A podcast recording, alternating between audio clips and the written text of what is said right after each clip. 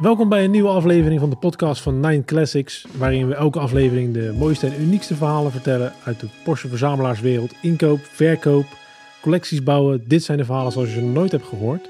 En dat doen we altijd aan de hand van onze doorgewinterde Porsche enthousiast Danny van Nine Classics. Goedemiddag. Goedemiddag, daar zijn we weer.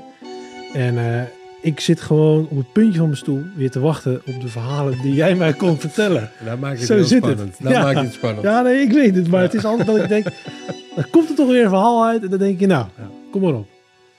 Dus heb jij eh, de afgelopen eh, periode nog iets moois opgehaald? Meerdere dingen. Ehm, ook weer eentje van het verlanglijstje. een 996 Cabriolet Carrera 4 S. Dus dat is een auto die is dan turbo breed. Dus dat, dat eh, brede heupen, dat is Mhm. gaaf. Die stond bij een collega. Ehm, dus dat hebben we altijd wel een klein beetje... eh, het een beetje douwen, een beetje trekken. Wel op een leuke manier. Een hele aardige jongen. Verkoopt echt mooie auto's. Dus dat... eh, Alleen oude dingen zijn zijn ding niet helemaal. Dus dat. dus die heb ik van hem mogen kopen. Dus die staat in de winkel nu. Die zijn we dan aan het klaarmaken. Gaan we mooie foto's maken. En kijken of die bij ons. eh, of we een liefhebber van kunnen vinden. Dus dat, eh, Dat klinkt goed. En eh, nog een auto uit het buitenland gehaald toevallig? ja. hebben afgelopen week in München moesten we een auto ophalen. Eh 991 Carrera 4 Cabriolet. En dat, dat gaat met betalen gaat het altijd goed. Gewoon voor geld overgemaakt. Auto kijken, nou, klopt, beker knieën, het hele, het, het hele pakket. Alleen de betaling ging eh, vertraagd. Dus dan sta je in München en ja, maar ik moet nog acht uur naar huis. Dus ik, ik wil eigenlijk rijden. Ja, ik moet wel geld op de rekening. ja, dat snap ik ook. Dus uiteindelijk, eh, ja, sta je daar. Ja, wat moet ik? Ja, oké, gaan hotel boeken. Ja, denk, oh ja, maar ik heb wel niks mee. Dus dan naar de drogist, tandenborstel koop, tandpasta, super lachen, eh, uit eten geweest. En dan wachten. Wachten, wachten, wachten. Eh, dus twee, eh, twee curryworsten, drie schnitzels later. Nog niet. Nou, toch blijven slapen. En die dag daarna, uiteindelijk om, geloof om half twee smiddags. Ja, het is binnen. Nou, toen mochten we nog een, eh, nog een stuk naar huis rijden. Dus het waren twee fantastische dagen, maar dat moeten we niet vaak doen. Nee, dan zit je nu nog in München. Moet je voorstellen als je, weet ik Ja. het, eh, in Skopski eh, ergens zit waar niks zit. Ja, nou, heel, als het echt ver ver is, gaan we vliegen en dan gaat hij gewoon op transport terug. Maar op zich, München is acht uur, dat kan je op een dag doen. Mhm. We waren met z'n tweeën, dus dat maakt het wel gezellig. Maar ja, Dus het werd een soort semi-roadtrip met overnachting erbij. Op zich de roadtrip goed, maar Vanaf nu neem je overal je tandenborstel mee. eh. die ligt nu standaard gewoon in de auto. Als zo'n weekendtasje. Ja, ja, het, het is. eh, maar ja, aan de andere kant, je kan ook het bedrijf is natuurlijk ook altijd van ja, die denkt ook van die wagen verdwijnt daarna. Dus ja, Tuurlijk. Ik zou hetzelfde ook doen hoor. Ik bedoel, dat, dat, eh, je moet er ook gewoon een lolletje van maken. nee, ja, dat is goed. En om in ons buitenland eh, sfeer te blijven, van het thema van deze aflevering onbedoeld, stuurde hij mij een berichtje over de ton uit Bulgarije. Klopt. Die kregen wij, eh, ik kreeg een mailtje van Vladimir uh, Huppelepup. Die zegt, eh, mag ik voor jou eh, het chassisnummer van een auto? Ja, maar hoezo het chassisnummer? Wat, wat, ja, hoe dan? Uiteindelijk denk ik, ja, ga toch maar overstag. Ze kunnen er niks mee. Eh, dus ik heb het chassisnummer doorgegeven. Eh, ja, die ga ik even checken bij Porsche. En dan ehm, ja, kom ik erop terug. Ja, Sterkte. prima, ik hoor het wel. Binnen 10 minuten eh, belde Porsche van, ja, we hebben nog een paar vragen, kan je daar een antwoord op geven? En, eh, nee, we weten genoeg. Ja, we weten genoeg, oké. nogmaals, helemaal geen signalen van, die moeten we hebben. En die, die man belt weer, ja, wat is je prijs? Dus ik geef mijn prijs, de, de ton uit Bulgarije.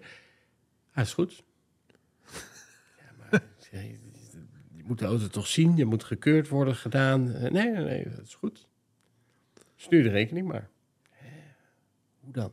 Dat, eh, maar niks verbaast me meer, dus ik maak een rekening en eh, stuur die op. En ik denk een uurtje later, gebeld door de, door de eh, meneer van de boekhouding. Ja, er is eh, geld gestort. Ik zeg, een eh, ton uit Bulgarije? ja. Ik denk, ja, die, die zag ik niet aankomen. Die man die eh, zegt, nee, alles geregeld. Je moet even exporteren. Dat doen we dan doen we in Zoetermeer. En alles gedaan. En ik denk, stuur mijn transporteur wel. Nou, ik denk dat die man, dat doet hij vaker. Er komt gewoon een serieus eh, transportbedrijf, die komt die auto halen. Nou, dat, er kwam een auto, een hele aardige man. maar met een, eh, met een aanhanger. Ik dacht, ja, maar dat gaat helemaal niet goed komen. Hoe, hoe wil jij überhaupt aankomen in Bulgarije? De auto paste er niet op, hij was te breed, die kar was te hoog, met blokken hout en dingen op die kar gezet. Ik denk, ja, Houd je touwtje constructie daar. eh, ja. Dus ik zei, nou, heel veel plezier. Ben je verzekerd? Ja, top. Eh, drie dagen later kregen we het bericht, hij is aangekomen, goed aangekomen, helemaal blij. Dus dat eh, is ook weer afgerond. Maar dat zijn wel bijzondere dingen. Ja, Ja, je zonder, zonder kijken, zonder wat dan ook, Ja. blindelings. Het, maar het is ook wel vertrouwen in, natuurlijk in jullie. Eh, maar los daarvan, het is best wel een wazig gebeuren zo. ja, uiteindelijk dat... Ik zou het nooit doen, want ook op zo'n bedrag. Een, een vliegticket, als je heel gek doet, ben je ik wil 500, 600 euro kwijt. En je wil wel kijken wat je koopt. Ja. Dat doe ik in de winkel ook. Ik, ik ga nooit blind een auto kopen. Al moet ik daarvoor drie dagen in de auto zitten, al moet ik daarvoor... eh, ik wil naar Zwitserland gereden, naar Oostenrijk. Ik moet het gewoon zien. En dan doen we heel veel voorwerk. We, we hebben goed contact met Porsche, met de Porsche-specialisten. Eh, we weten waar we op moeten letten. We weten wat we moeten vragen. Dus je gaat wel gewoon met een bepaald doel gaan we die kant op. Maar blind kopen, ik doe het niet. Ik was eh, naar, naar Oostenrijk gereden. Voor een, eh, wat was het? Een roze cabriolet. Een bepaalde kleur roze. En ik kom daar aan op de foto. Fantastisch. Dat ik echt denk, ja, gaaf. En ik kom daar. Ja, dat ziet er niet uit. Die hoef ik niet. en ja, hotelletje geboekt. Ik denk, dat was te ver om heen en weer te rijden. En weer naar huis, onverrichte zaken. Dat, dat gebeurt ook. Maar ja, het moet wel passen. Het moet wel kloppen. Ja, je moet hem gewoon wel zien in dat opzicht. en ja. eh, deze gozer die dacht gewoon... eh, Ja, doe was het, was het een hele unieke eh, Porsche?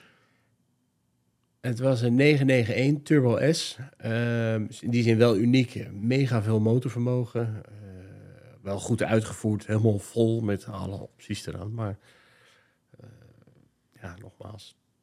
Ja, misschien eh, een bepaalde voorliefde of zo van die man. Denk het. Ja. Maar om eh, ons buitenland eh, verhaal compleet te maken, je hebt ook nog een auto naar de US of A gestuurd. Klopt. Ja. En hoe ging dat in zijn werking? Eh, het begon eigenlijk ook weer hetzelfde. Met chassisnummer opvragen. Nou, dan, eh, deze meneer had wel zijn huiswerk gedaan. Dus daar gingen een aantal weken aan mailverkeer voorbij. Vragen, maken foto's, filmpjes. En dat is ook belangrijk dat je daar... eh, daar werken we ook wel gewoon goed aan mee. Kost natuurlijk best wel tijd. Maar zo geef je wel een zo goed mogelijk beeld van de auto. Eh, uiteindelijk zei die man, joh, ik zou hem willen kopen. Ik wil hem graag wel dat hij gekeurd wordt in Maastricht. Daar zit dan een Porsche-specialist waar hij al eerder mee gewerkt heeft. Dus naar de auto heen gebracht. Gekeurd. Vervolgens de auto weer opgehaald. En toen moest hij klaargemaakt worden voor transport naar de douane. Want dat ging eh, in een container. En dan kom je aan in Roosendaal. En dan, dan, dan kom je op een terrein en dan zie je... Ja, maar, soort snoepwinkel voor, voor, voor, voor grote jongens. Boten, eh, Ferraris, Porsches, Lamborghinis. Alles stond daar buiten. Ik zeg, denk, maar eh, gebeurt hier nooit wat? En ik kom aanrijden, ik meld me aan. En die man die zegt, eh, ja, heb je papieren? Oké. Ja, dan moet je even om het gebouw heen rijden en dan moet je daar maar even melden. En ik kom daar aan en ja, ja, zet hem maar daar in de hoek en dat is goed. Zeg, de sleutel? Ja, leg, maar, eh, leg er maar in, dat komt wel goed. Ja, maar moet hij niet op slot? Of... Nee, nee, nee, komt allemaal goed.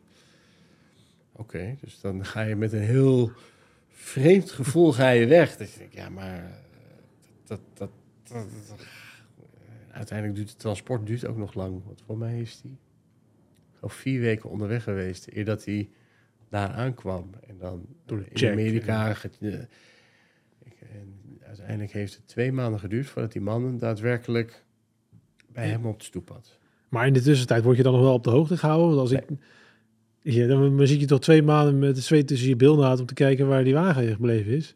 Of heb je het losgelaten toen je daar wegreed? Ja, kijk, je laat het los omdat hij betaald is. Dus dan, dan is uiteindelijk de verantwoording ligt bij de transporteur. Want dit is ook gewoon verzekerd. Dus Mhm. het, is, het is niet zo dat dat, dat, nog Kan een vaag gebied is. Maar ja, het, het, het blijft gewoon gek dat je iets, iets heel moois afzet eh, of aflevert. En ja, dat zien we nooit meer terug. Ja, maar ik, ik weet niet hoe stil Den op, op de bank zit als hij dan een boot op tv ziet die eh kapseist waar alle containers de sloot in. Zo langzaam achteruit schrijven. Ja, nee, dat, dat, nee, En was dit de eerste keer dat je hem op het transport ging zetten? dat was de eerste. Zijn er inmiddels een eh, aantal meer gevolgd, dus dan, dat maakt het dan makkelijker. Dan weet je hoe het werkt. Oh, prima, dat komt goed. Maar dat eh, ja, zijn wel bijzondere... Ja, zeker ook als je eh, beredeneert dat mijn pakketje, daar moet ik vijf buurvrouwen af, omdat die heeft getekend voor die eh rol pampers. Ja, En jij, en jij zet gewoon een hele dikke wagen daar neer. Ja. ja. Maar en was het nog een unieke Porsche die naar Amerika ging? 993 Turbo. En die kwam eh, uit Rotterdam. Oh, nee. Dus die stond bij een, iemand van de, van de Porsche Club. Die belde op van Den, kan qua gezondheid niet met mijn auto rijden. Wil je hem kopen? En in mijn beleving was die eh, zilver met zwart. En ik kom daar aan en er staat dan een zilveren auto met groen leer van binnen. Nou ben ik absoluut van de gewaagde combinaties, maar toen ik die zag, kreeg ik niet helemaal gelijk direct weken knieën. Dat moest even wennen. Eh toen heb ik buiten gezet. Ik ben nog een keer, eh, ben nog een keer naar huis gegaan. Ik denk, ja, dit gaat niet. Dat... En dan ga ik thuis op internet kijken. En ja, maar op de foto's is die wel mooi. Dus ik weer die man bellen, ik weer terug. En gaande de weg ontstond er wel eh, het weken kniemoment. Ik denk, ja, maar toch moet ik hem hebben. En die, die ging op internet. En dat, dat ging bizar. Gewoon op, op vrijdag ging die op internet. Op, op maandag had ik, ik geloof, 42 mailtjes over die auto. Dus dat, ja, zo gek kan het gaan. En die groene bekleding, was dat dan nog een speciale uitvoering? Of was het gewoon iemand geweest die dacht, ik eh, kies groen? mag het niet slechter maar zeggen, maar dat, ja, in mijn beleving is het iemand met een, eh, slechte smaak. nee, dat is gekkigheid. Het, het zag er mooi uit, maar eh, in ieder geval een gedurfde smaak. Ja. Ja, nou dan, dan heb je dus de roze Porsche in Oostenrijk. Ja, Groen bekleding eh, die naar Amerika gegaan is. ja. En die uit Bulgarije, die was Beige. beige. Ja. En wat voor bekleding had die? Eh, ja, een zwarte auto met beige, Ah, eh, beige leder. Ah. Nou, dat zijn onze internationale verhalen van deze aflevering. en heb je de volgende voor transport al klaarstaan of nog niet? Eh, ja, ook een 993 Turbo met eh, zilver met flamingo rood van binnen. Je gaat bijna niet geloven. Ik moet dadelijk gewoon foto's gaan toepassen om Ja. dit te bewijzen dadelijk. Hè? Die zal ik, die zal ik aanleveren, dat komt goed. Ja. En waar gaat die heen? Die gaat naar de Oekraïne. Oh, oké. Ja. Nou, dat is een verhaal die nemen we mee naar de volgende. Want dat, eh, daar zit waarschijnlijk ook wel eh, voor- en nageschiedenis aan. Ook een goed verhaal. En voor de volgende aflevering nemen we die mee. Helemaal goed. Nou, dan kijk ik uit naar die voor de volgende keer. Den, weer bedankt. Top, tot de volgende keer. Tot de volgende. Super. Hoi. Bye.